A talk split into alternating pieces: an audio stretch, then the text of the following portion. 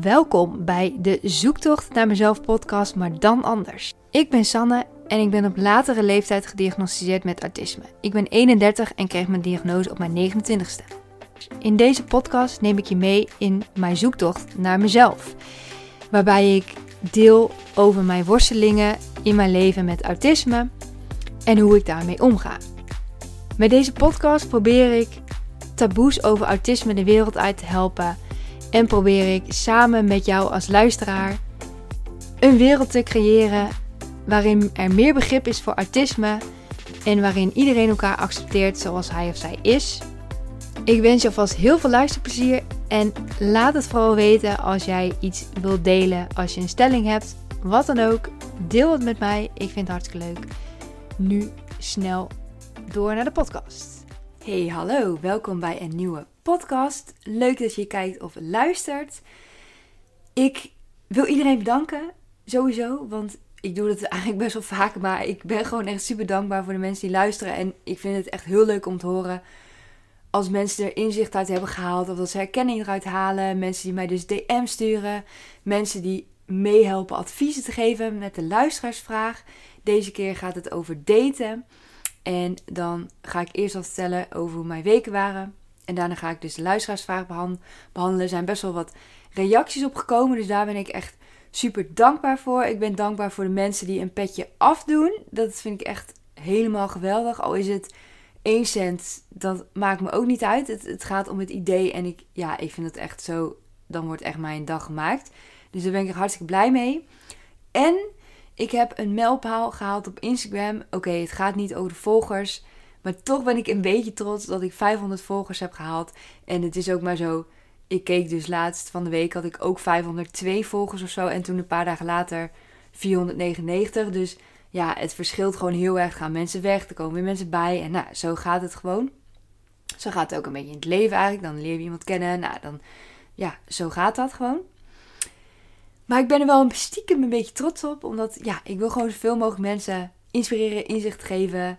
Ook connecties maken met mensen. Dat vind ik ook heel leuk. Dat, dat ja, geeft me echt weer energie om ook weer hiermee door te gaan. Dat er ja, zoveel reacties komen op de luisteraarsvragen. En ja, dat, daar ben ik gewoon echt heel erg blij mee. Dus nou, daar wilde ik mee beginnen met een bedankje. Dan ga ik nu vertellen hoe mijn weken waren. En op zich, ja, dus niet heel bijzonder of zo. Of ja, het was wel heel bijzonder. Er is best wel veel gebeurd. Maar, nou ja, eigenlijk, wat zeg ik eigenlijk? Want ik had best wel een beetje een dipje. Qua, vooral qua werk vind ik uh, dat het iets minder gaat. Dat ik minder de motivatie kan vinden. Omdat, ja, ik ben er dus achtergekomen dat het alleen maar het thuiswerken, wat ik dus voor Kidos en Co doe, dat dat gewoon niet werkt voor mij. Dat is, daar word ik gewoon echt, uh, ja, daar word ik eigenlijk gewoon ongelukkig van. En nou, daar heb ik nu wel iets aan gedaan. Ik heb een berichtje geplaatst op LinkedIn om te vragen naar werkmaatjes. Dus nou, mocht je luisteren en mocht je ook zeg maar in de buurt van Apeldoorn iemand zoeken om af en toe mee samen te werken. Twee, ongeveer twee dagen per week wil ik, uh, wil ik dat gaan doen. Want ik kan wel ergens een kantoortje huren, maar dat is het ook niet. Want ik ben niet iemand die dus heel snel echt uit mezelf naar mensen toestapt. Maar als je dus echt samen gaat werken met iemand, dan ga je, ja, dan ga je toch elkaar een beetje leren kennen. Dan ga je, maak je af en toe een praatje tussen het werk door. Misschien gaan we lunchen, samen lunch wandelen. Misschien nog een keer een vrijdagmiddagborrel of zo. Nou, dat lijkt me gewoon hartstikke leuk. Dus al doe je niet hetzelfde werk, dat je toch een beetje het gevoel hebt van... Ik kom nog ergens, ik zie nog mensen. Ik heb nog een beetje sociale contacten. Want dat vind ik dus lastig. Omdat werk is voor mij toch ook een manier om sociale contacten te hebben eigenlijk. Of te, ja, dat is gewoon een groot onderdeel van mijn werk. Wat ik dus blijkbaar heel belangrijk vind. Dat wist ik eigenlijk niet dat ik het zo belangrijk vond. Maar nou ja, dat is dus wel zo. En ja, dat, dat mis ik nu gewoon. Dus ja, dat geeft dat ik nu nog wel even wat minder motivatie heb. En ja, dat voel ik allemaal even lastig. Dus ik, ik heb daar best wel over ook in een dipje gezeten de afgelopen weken. Alleen de laatste paar dagen gaat het juist wel weer heel goed. Ik dacht, ja, ik kan wel heel de tijd zelf medelijden blijven hebben. Maar laat ik gewoon aan de slag. En ja, laat ik actie ondernemen, ondernemen om hoe dan ook nu mezelf beter te voelen. En ja, daar moet je natuurlijk iets voor doen. Dus nou, daar ben ik in ieder geval onder andere dat gaan doen. Ik probeer het nu veel meer te bekijken van de positieve kant. Ik probeer ook na te denken na de dag, zeg maar, dat wat ging er goed tijdens mijn werk en waar, ja, welke dingen wil ik nog meer ontwikkelen of welke dingen wil ik nog meer inzetten tijdens mijn werk om daar meer voldoening uit te halen. Dus ja, ik ben er wel heel erg mee aan de slag gegaan en ik heb ook een life coach in armen genomen. En daar ga ik volgende week voor het eerst op gesprek bij. Dus dat is ook wel heel goed. Dus omdat ik nog steeds lastig vind om te omschrijven van ja, wat vind ik nou leuk? Ja, wat vind ik leuk, leuk aan mezelf? Dat op zich heb ik dat wel. Maar ik kan heel moeilijk uitleggen van ja, wat wil ik nou qua werk ook vooral. En ja, dat maakt het heel erg lastig van om ook te bepalen van ben ik gelukkig in het werk wat ik nu doe en moet ik alleen maar dus mensen vinden waarmee ik dus kan samenwerken, een clubje? Of is het echt, ben ik toe aan een volgende stap en moet ik dus op zoek gaan naar iets anders? Maar wat is dat dan? En ja, uh, dus ja. Dus dat, dat is even waar ik nu vooral in zit. En ik heb vorige week een hele leuke, of deze week, nee, vorige week eigenlijk een hele leuke week gehad. Ben ik naar de Nijmeegse Vierdaagse feesten geweest. Twee dagen achter elkaar zelfs. Eerst met oud-collega's en toen met mijn huidige collega's. Dat was echt geweldig. En ik heb toen wel, wat ik dus heb gedaan, is dus, nou ja, die twee dagen, daar had ik me wel heel erg al mentaal op voorbereid. Dus ik weet niet, ik heb niet heel bewust echt tijd genomen daarvoor om een soort van op te laden. Dat ik in ieder geval heb gezorgd, nou ja, misschien denk ik dat ik dat toch wel onbewust heb gedaan. Dus dat ik wel heb gezorgd dat ik voor die dagen niet heel veel heb gedaan qua spannende sociale dingen. Dus dat ik echt die twee Nijmeegse Vierdaagse feesten dagen had. En daarna heb ik ook dagen daarna heel relaxed gedaan. Het weekend. En, want het was donderdag en vrijdag dat ik ben geweest. Dus zaterdag heb ik heel de dag gewoon gechilled, in de zon gelegen. Ik heb nog wel even gewandeld op de postbank, want daar word ik gewoon helemaal blij van. Dus dat, ja, dat is wel actief misschien, maar dat vind ik echt super. Dat vind ik gewoon helemaal geweldig. Dus dat heb ik gedaan. En zaterdag ben ik echt super vroeg naar bed gegaan. En uh, ja, zondag ook niet eens heel vroeg opgestaan. Dus ik heb wel echt lekker lang geslapen.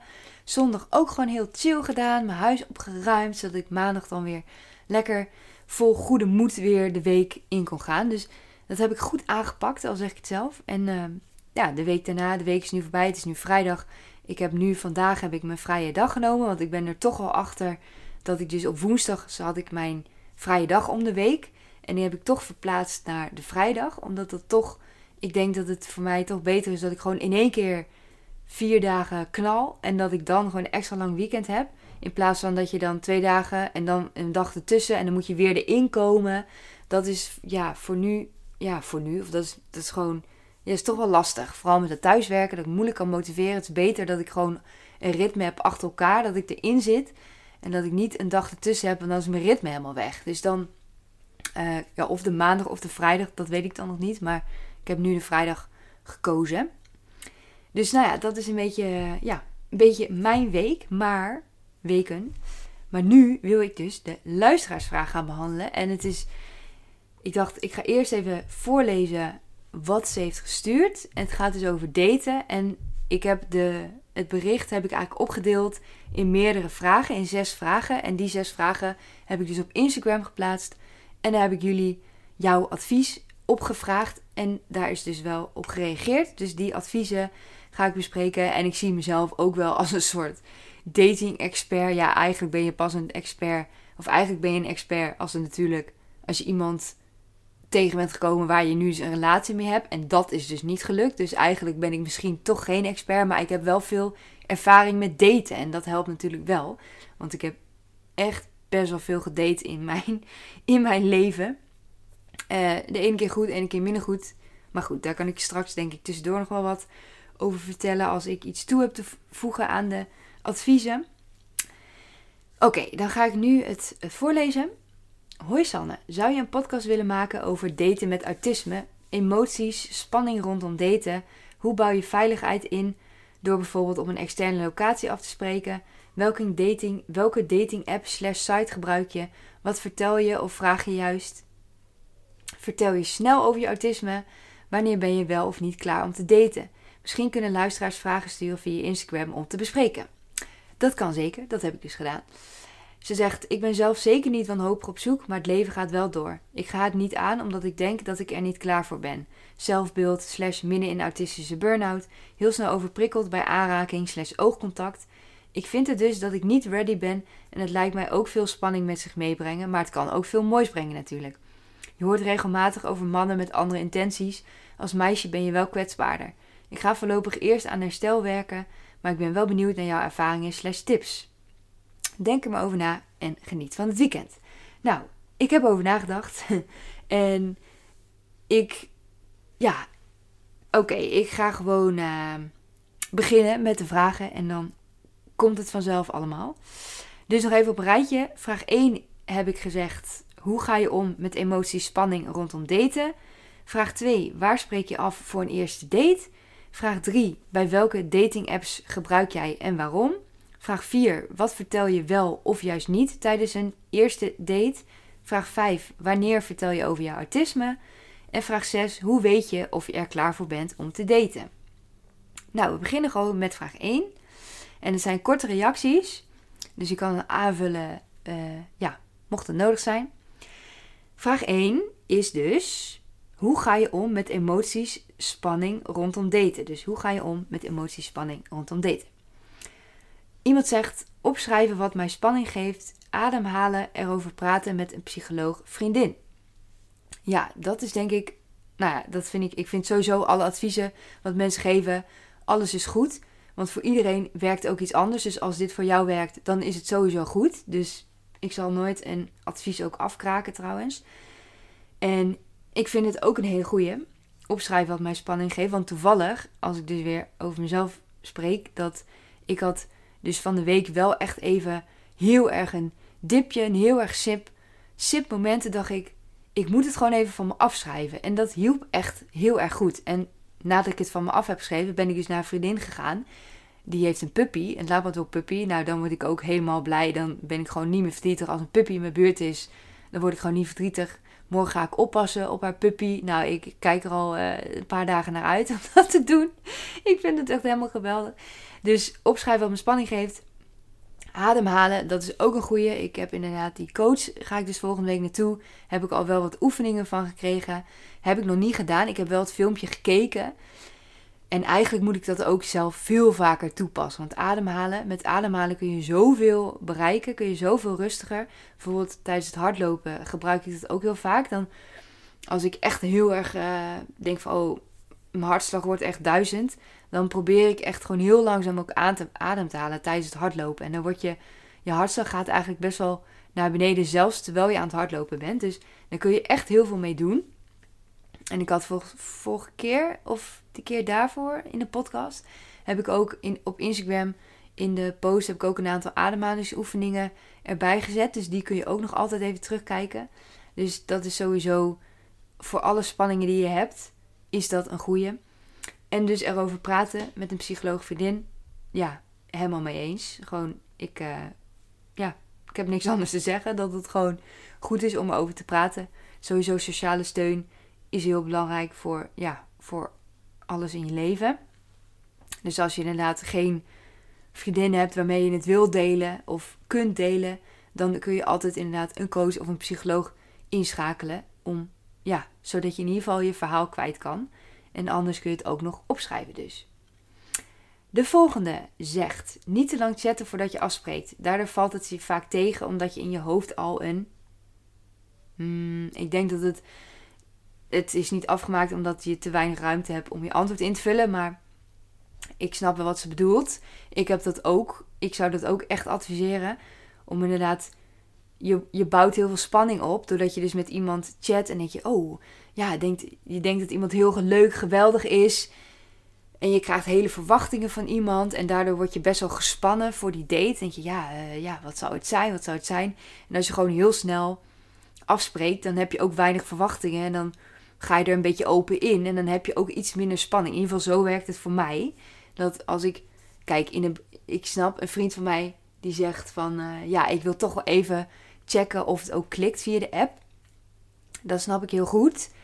Want dat is ook wel zo, want als het sowieso via de chat al niet klikt, ja, dan heeft het sowieso ook weinig zin om af te spreken. Alhoewel ik me dat soms dus ook wel afvraag. Omdat je kapt het af, maar eigenlijk weet je niet hoe iemand in het echt is. Maar ja, je gaat natuurlijk ook niet met iedereen afspreken. Dus ja, je moet iets kiezen om mensen op zeg maar, te sorteren van met jou ga ik wel of met jou ga ik niet op date. En die ander moet ook natuurlijk met jou op date willen. Dus dat is ook nog een ding. Maar ik, ehm, ik knap ook wel af op mannen die dan, waar je dus heel lang mee aan het chatten bent. En als je dus het opgooit van, nou, goh, gaan we afspreken. Dat ze dan helemaal vaag doen. En nou, dan gaat het maar door. En dan, nou, dan ben ik er op een gegeven moment helemaal klaar mee. Dus inderdaad niet te lang chatten, dat, eh, dat helpt ook wel echt om... Uh, ja, in ieder geval niet te veel spanning op te bouwen. Ik, een eerste date is natuurlijk altijd heel spannend, vind ik. Ik vind altijd wel, ik had zeg maar ehm, met de man waar ik nu mee aan het daten ben, daar heb ik ook komend weekend weer een date mee. Daar heb ik helemaal zin in. En ehm, ja, met hem had ik juist de tweede date best wel veel spanning. De eerste date ging ik er best wel open in. Dacht ik, ja, ik zie het allemaal wel. En de tweede date had ik echt een beetje zo van, oeh, een beetje zo spanning of zo. Ik weet niet, ja, ik weet niet waarom dat precies is. Maar ja, dat, dat, dat was dus zo. Dus het kan ook maar zo zijn dat je de eerste date helemaal geweldig. En dat je dan de tweede date ineens die spanning hebt. Ja. En als je die spanning dan hebt, dan kun je daarmee omgaan door dus die ademhalingsoefeningen enzovoort te doen. Maar dat is ook voor iedereen verschillend. Hoe ga je met je spanning om? Ik denk dat als je dat eerst uit hebt gezocht. Dus daarom vind ik het ook zo goed van een luisteraar die de vraag heeft gesteld dat zij zei van ze zit midden in een autistische burn-out, dat ze zich eerst gaat richten op herstel. Dat denk ik dat het heel goed is, want als je dus inderdaad nog niet hersteld bent, dan ga je weer in iets storten. En dat, ik heb bijvoorbeeld zelf echt de neiging om helemaal te storten op het daten. En dan verlies je dus weer ja, je herstel uit het oog. Dus het is misschien goed om je vooral te focussen op het herstel. En als het gewoon komt, dan komt het. Maar je hoeft, ja, je hoeft het misschien inderdaad niet. Je moet het sowieso niet forceren. Dat sowieso niet. Ehm, maar ja, dat, dat is dus. Ik weet niet meer wat nou precies mijn punten mee was. Maar dat je dus zorgt dat je, ja, dat je weet van jezelf. Dat je dus je herstel, dat je weet van jezelf. Van waar zit. Ja, hoe kan ik omgaan met spanning? Dat is ook een deel van je herstel. En dan hebben we de volgende reactie is in eerste instantie hoe iemand dus met omgaat met emoties en spanning. In eerste instantie enorm maskeren met alle gevolgen van dien. Ja, dat, uh, dat ik wilde gelijk zeggen dat herken ik, maar op zich, ja, ik herken het wel omdat ik dat in heel veel situaties doe. Dus het is eigenlijk ook met sollicitatiegesprekken of met, ja, met dat je mensen voor het eerst ontmoet, ook niet dating-wise, maar ja, maskeren is gewoon iets wat zo standaard, ja, wat zo bijna automatisch gebeurt. En het kost zoveel energie. En ja, dus eerst ja, eigenlijk door dat maskeren ga je dus ook niet om met de spanning. En nou ja, dan, dat is dus niet, niet hoe je ermee om moet gaan. Maar dat zegt diegene dus ook. Dus het is goed als je ervan bewust bent van wat ben ik nou aan het doen? Ben ik aan het maskeren of niet? Want natuurlijk, je wilt dat je partner jou wel echt leert kennen, jouw toekomstige partner. En dan helpt het natuurlijk ook niet om te maskeren. Natuurlijk wil je je eerst van je goede kant laten zien. Van ja, uh, dit ben ik en ja, nou ja, dat. Ik zit trouwens te denken. Ik ben nu al best wel een tijdje bezig en ik ben nog maar bij vraag 1. Dus ik denk dat dit misschien wel een podcast wordt die ik in twee delen opneem. Omdat het anders misschien te veel wordt. En ik wil ook niet alles afraffelen. Dus ik ik denk dat ik hem ga opsplitsen in twee delen. Dus dan, nou ja, misschien ook niet. Dat zien we wel uh, aan het einde hoe lang die uh, is geworden. Maar goed, dus in eerste instantie enorm maskeren met alle gevolgen van dien. Dat vind ik ook wel een mooie reactie, omdat dat is gewoon wat er gebeurt. Zelfs normale mensen doen, denk ik, tijdens het daten een soort masker op.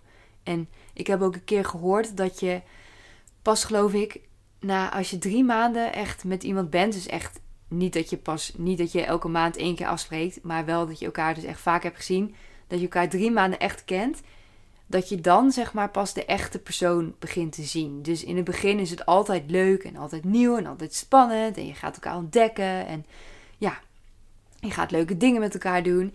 Dus dat is natuurlijk altijd in het begin. En dat je dus na die drie maanden dus pas echt iemand leert kennen van ook de mindere kanten van die persoon. Dus dat vind ik wel interessant. Dat hou ik altijd ook wel een beetje in mijn achterhoofd. En uh, ja, maar ik zit altijd. Ik heb echt een beetje bindingsangst. Dus ik zit altijd in mijn achterhoofd. En dat is ook echt niet goed. Maar ik zit altijd in mijn achterhoofd met van wanneer is hij er klaar mee? Dat is eigenlijk ja, waar ik constant aan denk. Van oké, wanneer is het moment dat hij zegt: Oké, nou, ik, uh, ja, ik vond het leuk, maar niet leuk genoeg. Nou ja, dus dat is iets waar ik zelf wel mee moet dealen. Maar uh, tot nu toe vind ik mijn date nog heel leuk. maar ik ben stiekem wel een beetje bang van. Hij vindt het niet meer leuk. Maar ja, je kan niet meer dan jezelf zijn. En inderdaad, je kan in het begin maskeren, maar dat hou je ook niet lang vol. Dus op een gegeven moment ziet hij er echt dat jij en dat moet hij maar leuk vinden. Of niet, ja, dan is het ook niet de persoon voor jou. En andersom natuurlijk, hè. Want dat is ook iets wat ik wil meegeven voor iedereen die aan het daten is. Dat ik was heel erg van, um, ik mag blij zijn als iemand mij kiest. Maar wacht eens even, jij bent zelf ook iemand die mag kiezen. Dus het is niet zo dat je als iemand jou kiest, dat jij dan ook die per, se, per se diegene terug moet kiezen. Want ik was dus heel erg vanuit bindingsangst, vanuit angst om alleen te blijven. En denk, ja, ik moet iedereen aanklampen die ik maar kan krijgen. Maar dat is dus natuurlijk helemaal niet een goed uitgangspunt om te gaan daten. Omdat je moet natuurlijk met iemand daten omdat je iemand leuk vindt en niet omdat je bang bent om alleen te zijn. Dus dat is ook wel echt iets, als je dat herkent, dan is er misschien iets voor jezelf om echt even in te duiken van hoe zit het bij mij en hoe kan ik ervoor zorgen dat dit minder wordt. En dat is natuurlijk ook voor iedereen weer verschillend. Ik weet het zelf van mezelf ook niet, dus ik, ik kan daar nog weinig tips over geven. Misschien wordt dat een keer een luisteraarsvraag van hoe kom ik van mijn bindingsangst af. Dat, uh, ja, ben jij een luisteraar en heb je die vragen, dan nou ja, stel me vooral. Dan uh, kan ik hem in een van de volgende podcasts gaan behandelen. Maar voor nu is het even off topic. En de laatste reactie op hoe je omgaat met emoties en spanning rondom daten is om afleiding proberen te zoeken. Dus dat is ook een beetje wat ik net een beetje zei over het spanningsgedeelte. Dat je dus die spanning hebt. En dat je dus voor iedereen het anders is hoe je daarmee omgaat. De een gaat inderdaad dus afleiding zoeken door, ja, door iets te doen. En dat is dan ook weer voor iedereen anders. Van wat moet ik doen om die afleiding te zoeken. De ander gaat wel heel erg in het gevoel of heel erg naar binnen keren. Die wordt daar wel heel rustig van. Ik moet bijvoorbeeld niet te veel in mijn hoofd gaan zitten, want dan, word, dan maak ik mezelf helemaal gek.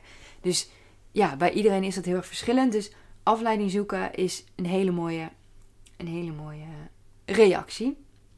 Daar sta ik helemaal achter. Dan gaan we alweer naar vraag 2. Waar spreek je af voor een eerste date?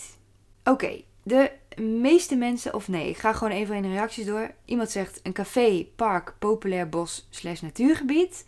Iemand slechts zegt helaas ervaring gehad zo, waarbij ik me niet veilig voelde. Kom en vertrek met eigen vervoer. Openbare plek waar mensen zijn en je niet overprikkeld raakt en een gesprek kunt voeren. Openbare plek waar andere mensen zijn waar je de weg kent. Kom met eigen vervoer in een cafeetje of in een groot park, terras, strand, openbaar, ergens bekend het liefst, ergens waar je kunt lunchen of eten, openbaar. Dus even concluderend, sowieso uh, openbaar. Dat is wel echt de conclusie van sowieso uh, van dit. Want wat de luisteraar, de luisteraarsvraag, diegene die vraag stelde ook stuurde van ja, vrouwen zijn toch wel kwetsbaarder uh, voor ja, slechte intenties van mannen. Dat als je dus inderdaad direct bij iemand thuis afspreekt, dat dat misschien ook wel iets kan. Um, ja, ik vind eigenlijk wel erg dat dat zo is. Maar het, ja, het is wel zo dat, dat, dat je dan inderdaad een verkeerde indruk kan wekken bij een man. Dat een man denkt: oh, die komt alleen maar voor seks, weet je wel. Dus het is gewoon beter als je echt serieuze intenties hebt. Kijk, als je een one-night stand wilt, ja, ga je gang. Maar dat is natuurlijk niet waar we het nu hier over hebben. We gaan wel daten voor echt om iemand te ontmoeten waar je iets mee kan opbouwen. In ieder geval, dat is hoe ik dit geïnterpreteerd heb. Maar ja, dan kun je beter inderdaad in een, op een openbare plek afspreken. Want dan heb je in ieder geval mensen om je heen als er dus iets niet gaat zoals jij dat wil, dan heb je in ieder geval een soort van getuige. Dan heb je niet, ja, als je bij iemand thuis bent, dan kun je ook niet, ja, zomaar weg. Of dan, ja, niemand ziet wat daar gebeurt. Niemand kan ingrijpen. Dus dat kan natuurlijk wel op een openbare plek. Dus sommige mensen zeggen wel een café. Ik ben zelf meer van het wandelen in ergens inderdaad. Dat je een wandeling gaat maken in een openbaar gebied. En dat je, als het dus leuk is, kun je dus gaan eten of drinken. En als het niet leuk is, dan kun je daarna mooi weggaan. Maar ik heb ook dus wel eens gedacht, als we het nu gaan hebben over openbaar, dat soms spreek je dus af in een bos. Kijk, vaak zijn er wel heel veel mensen ook. Maar dat kan ook best wel een soort van uh, een plek zijn waar dus niemand is. Dan is het dus ook wel weer een beetje scary. Dat ik soms denk van, ja, zoals ik dus wel afgesproken, denk ik, dat was misschien eigenlijk helemaal niet zo, niet zo handig. Alhoewel ik dus nooit, ik heb zelf nooit rare eh, dingen meegemaakt. Maar ja, je weet het niet. Je weet natuurlijk nooit wie je voor je hebt. Daarom is het, dat uh, is, komt later ook nog uh, terug. En daarom is het ook altijd handig om sowieso bijvoorbeeld ook met iemand te bellen. Dat je in ieder geval weet van, kijk, het is echt iemand die ook daarin wil investeren. Of video bellen, dat is misschien zelfs nog beter. Dan kan nog steeds iemand de intenties verbergen. Als iemand slechte intenties heeft, maar dan is het wel al. Dan heb je diegene al wel een keer gezien. Dan is het wel minder. Dan is het wel echt iemand. Echt iemand. En dan heb je ook een beeld erbij. En vaak, nou ja, ik heb zelf dan wel een soort sterke intuïtie. Dat ik wel soms een beetje kan voelen van, oh ja, dit is het niet of dit is het wel. Ik weet niet. Misschien zeg ik dat, maar klopt het helemaal niet. Dus ja, ik vind, wel, ik vind het wel vervelend trouwens om te lezen dat iemand dus een vervelende, een nare ervaring heeft gehad waarbij, ja, waarbij diegene zich niet veilig voelde. En dat vind ik, ja, dat vind ik gewoon niet leuk. Dat, ja, daar kan ik nu natuurlijk niks mee helpen. En het is goed dat je dat sowieso bespreekt. Dus nou ja, dat, dat vind ik wel dat dat ook besproken moet worden, dat dat er ook is. Natuurlijk gaan de meeste dates gaan wel goed. Maar ja, net die procenten waar het niet goed gaat, ja, dat is gewoon echt, dat is gewoon niet leuk. Dus ik vond ook wel mooi wat naar voren kwam in de reacties was dat het, het, het oké, rare, rare stotter. Maar dat mensen dus afspreken op een plek die voor hun bekend is. Dat vind ik wel echt een hele goeie. Daar had ik zelf dus helemaal nog niet zo over nagedacht. Maar het is best wel een, een goeie, omdat dan voel je je meer op je gemak. Als je al, want ik heb dus zelf, als ik ergens naartoe moet waar ik nog nooit ben geweest, vind ik mega spannend. denk ik, ja, ik ken de weg niet. En als het vooral als het een drukke plek is, denk ik, waar moet ik parkeren? Moet ik, moet ik betalen voor parkeren? Uh, ja, hoe kom ik daar precies? Dan ga ik helemaal inderdaad de route van tevoren uitstippelen. En uh, ja, bijvoorbeeld als ik moet fietsen, dan ga ik echt helemaal de, helemaal de route ook bekijken. Meestal ga ik ergens naartoe met de auto, omdat ik nu natuurlijk ik woon nu op een plek waar je eigenlijk bijna nergens met het OV heel goed kan komen. Of met de fiets, ja, dan moet je gelijk 20 minuten fietsen of zo. Daar heb ik vaak echt geen zin in. Ik ben best wel sportief, maar eigenlijk fiets ik vrij weinig. Maar dan ga ik toch eerder met de auto. Maar ik heb ook wel eens gedaan dat ik voor een eerste date eh, naar Zwolle ben gefietst. Dat is 20 kilometer fietsen. Uh, dat was wel uh, echt wel veel. Echt wel ver ook.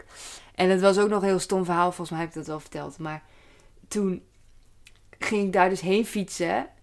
En toen appte hij mij van... Ik kan niet komen omdat ik pech heb met de auto. En wat later ook nog bleek, was dat hij dus... Ik geloofde dat, want ja, uh, het, het is wel heel toevallig als dat niet zo zou zijn of zo. Dat, nee, ja, nu klinkt het heel raar, maar het was gewoon... Ik dacht, ja, ja oké, het zal wel, het kan gebeuren. Maar toen bleek dus, we hebben later nog wel een andere date gepland. Toen is die wel gekomen. Het was, ook, het was ook hartstikke gezellig. En toen later, nog een paar days later, toen versprak hij zich. Toen bleek dus dat hij gewoon geen zin had om te komen. Die eerste date. Nou, toen was ik gelijk helemaal klaar mee. Ik denk, hoe kun je dit doen naar iemand? Hij wist, of nee, ja, ik weet eigenlijk niet of ik dat van tevoren had gezegd dat ik met de fiets zou komen. En volgens mij wel. Ja, dan ben je gewoon echt een lul als je dat, als je dat flikt. Dat is gewoon echt niet normaal. Dus toen was ik wel, toen dacht ik, oké, misschien moet ik dit ook gewoon niet meer doen voor een eerste date. Zoveel. Uh, want dan investeer je eigenlijk al heel veel in die date. Door dus daar naartoe te fietsen. Gelukkig heb ik er wel een elektrische fiets. Dus dat scheelt wel. Maar toch, ik bedoel. Toen was ik dus al. Ik, toen hij dus dat appte. Want ik keek dus niet op mijn telefoon toen ik aan fietsen was. Dus toen, toen ik bijna in Zwolle was. Toen kwam ik daar dus achter. Dat, dat hij dus mij iets had gestuurd. En dat was ook nog een fout die ik had gemaakt. Dit is echt de slechtste dating voorbeeld ooit. We hadden toen ook nog geen nummers uitgewisseld. Dat hadden we pas na die eerste, na die, ja, die herhaling eerste date gedaan. Uh, hoe ging het eigenlijk? Nou, in ieder geval pas later. Dus het was ook via Tinder. En volgens mij heb ik die meldingen ook uitstaan, had ik toen. Uh, ik word namelijk ook altijd helemaal gek van al die meldingen. Dus die heb ik vaak uitstaan. Dan kijk ik gewoon wanneer ik zelf wil. Maar, dus dat was ook gewoon dom. Dus ik kon hem ook niet bellen van... Yo, uh, weet je wel, ik zit hier op de fiets. Dan kun je dat niet. Of hij had mij kunnen bellen. Ja, het is gewoon een lul. Het is gewoon... Ik kan niks anders zeggen. Maar ik snap ook niet dat ik daarna nog een keer met hem op date ben gegaan. Want nou ja, ik dacht toen nog dat hij, dat hij dus gewoon de waarheid sprak. Omdat ik wel, ja, ik probeer ook, ik probeer wel bewust ook echt het goede van mensen in te zien. Maar ja, soms is dat gewoon niet helemaal waar. En ik denk dat als hij zich niet versproken had, dat hij het ook niet, nooit had gezegd tegen mij. Maar ja, later is dat toch uiteindelijk niks geworden. Toen deed hij op een gegeven moment ook helemaal vaag. En toen zei ik van, nou, dit vage doe daar heb ik geen zin in. Dus toen ben ik best wel voor mezelf opgekomen. Helemaal trots. Maar um, ja. En Zwolle was trouwens ook geen plek wat ik heel erg goed ken. Wel heel openbaar, maar... Oh, ik heb de hik ervan. Ik kom ook niet heel vaak in Zwolle. Dus eigenlijk is dit zeg maar mijn voorbeeld. Dat is dus hoe je het vooral niet moet doen. Maar wat wel dus een goede is, wat ik, waarom ik hier eigenlijk op kwam. Dat iemand zei van, kom even trek met eigen vervoer omdat je als je dus met OV, uh, als je bijvoorbeeld s'avonds afspreekt, ja, soms dan mis je een bus of zo. Dan heb je, ja, of je trein of weet ik veel wat. Dat is natuurlijk ook hartstikke naar. En hoe kom je dan weer naar huis? Dus dat is altijd wel goed dat je. Of je zorgt ervoor dat je echt op tijd weer teruggaat. Ook al is het heel gezellig. Ga op tijd weer terug naar het station. Zodat je niet de laatste trein kan missen. Dat je in ieder geval de ene laatste trein neemt. Of de ene laatste bus. Of wat dan ook. Of ga met de fiets. Of, of als je een auto hebt, ga met de auto, met de brommer, weet ik veel wat. Dan kun je in ieder geval gaan wanneer je zelf wil. Dat vind ik wel een goede tip. Ja, dat vind ik sowieso. Misschien is dat ook omdat ik hou, ervan hou om sowieso te kunnen gaan en staan waar ik wil. En ik heb ook die luxe. Dus ja, dat is natuurlijk ook een persoonlijke voorkeur. Want je raakt eraan gewend. Als je veel met OV gaat, dan raak je er ook wel aan gewend. En dan, ja, dan is dat gewoon wat het is als je geen auto hebt, ja, dat is helemaal, helemaal niet erg of zo. Alleen ik zou bijvoorbeeld nu niet kunnen voorstellen om zonder auto te zijn, maar het is niet dat het niet kan of zo. Ehm, en nog één dingetje wat ik ook nog hier wel inderdaad uit wil lichten is een plek waar je niet overprikkeld raakt en waar je een gesprek kan voeren. Want dat is inderdaad, dat vind ik een hele goeie, omdat je kunt natuurlijk, ja, wij als mensen met autisme kunnen dus heel snel overprikkeld raken. Een date is al best wel een enorme prikkeling, want je moet je heel erg focussen op die persoon. Je moet luisteren, je moet ja, terug praten, uh, vragen stellen, nou ja, noem maar op. Dus je, ja, je bent al heel erg, heel erg zenuwachtig voor de eerste date, wat ook energie vraagt natuurlijk. En dan als je dus in een omgeving komt waar je heel erg overprikkeld wordt en vooral als je daar heel erg last van hebt. Ik ben dus iemand die zich, ja, blijkbaar kan ik me wel heel goed op dat moment afsluiten van de prikkels. Het heeft wel invloed op mij, maar dat merk ik altijd pas achteraf. Dus dat scheelt dan wel dat ik op een moment kan ik me dan wel goed focussen op die persoon. Maar als ik bijvoorbeeld wel ergens naartoe zou gaan waar het heel erg rumoerig is, dan vind ik het heel moeilijk om me te focussen op een gesprek met iemand. Dus dat vind ik ook een hele goeie. Dat je daar dus ja, ook op let dat je dus naar een plek gaat. Ja, dus als je die plek kent, dan geeft dat ook wel veel meer rust. Dan weet je dus dat er wel of geen overprikkeling kan voorkomen. En dan kun je misschien ook daar voorbereiden. Dus nou, wel goede tips weer hierbij. En hier wil ik het ook eigenlijk bij laten, deze podcast. Omdat ik al volgens mij over de tijd zit. Um, ik vind het ook gewoon een heel interessant onderwerp, onderwerp. Omdat ik er zelf natuurlijk best wel veel ervaring mee heb. En ja, ik vind het wel leuk om andere mensen ja, daarbij te helpen. Of te helpen, ja, ik weet niet of ik, of ik echt mensen help hiermee. Maar um, ik, probeer, ik, ja, ik bedoel het in ieder geval wel dat ik ja, probeer inzichten te geven en tips te geven. Zodat je wel ja, meer confident of meer, hoe zeg je dat, uh, zelfverzekerd op date kunt gaan. Dus luister vooral de volgende podcast. Want dan ga ik dus verder met vraag 3. En vraag 3 is, moet ik zelf ook even terugkijken. Welke dating apps gebruik jij en waarom? Dat is ook een hele interessante. Wel een hele persoonlijke, maar ook wel een interessante.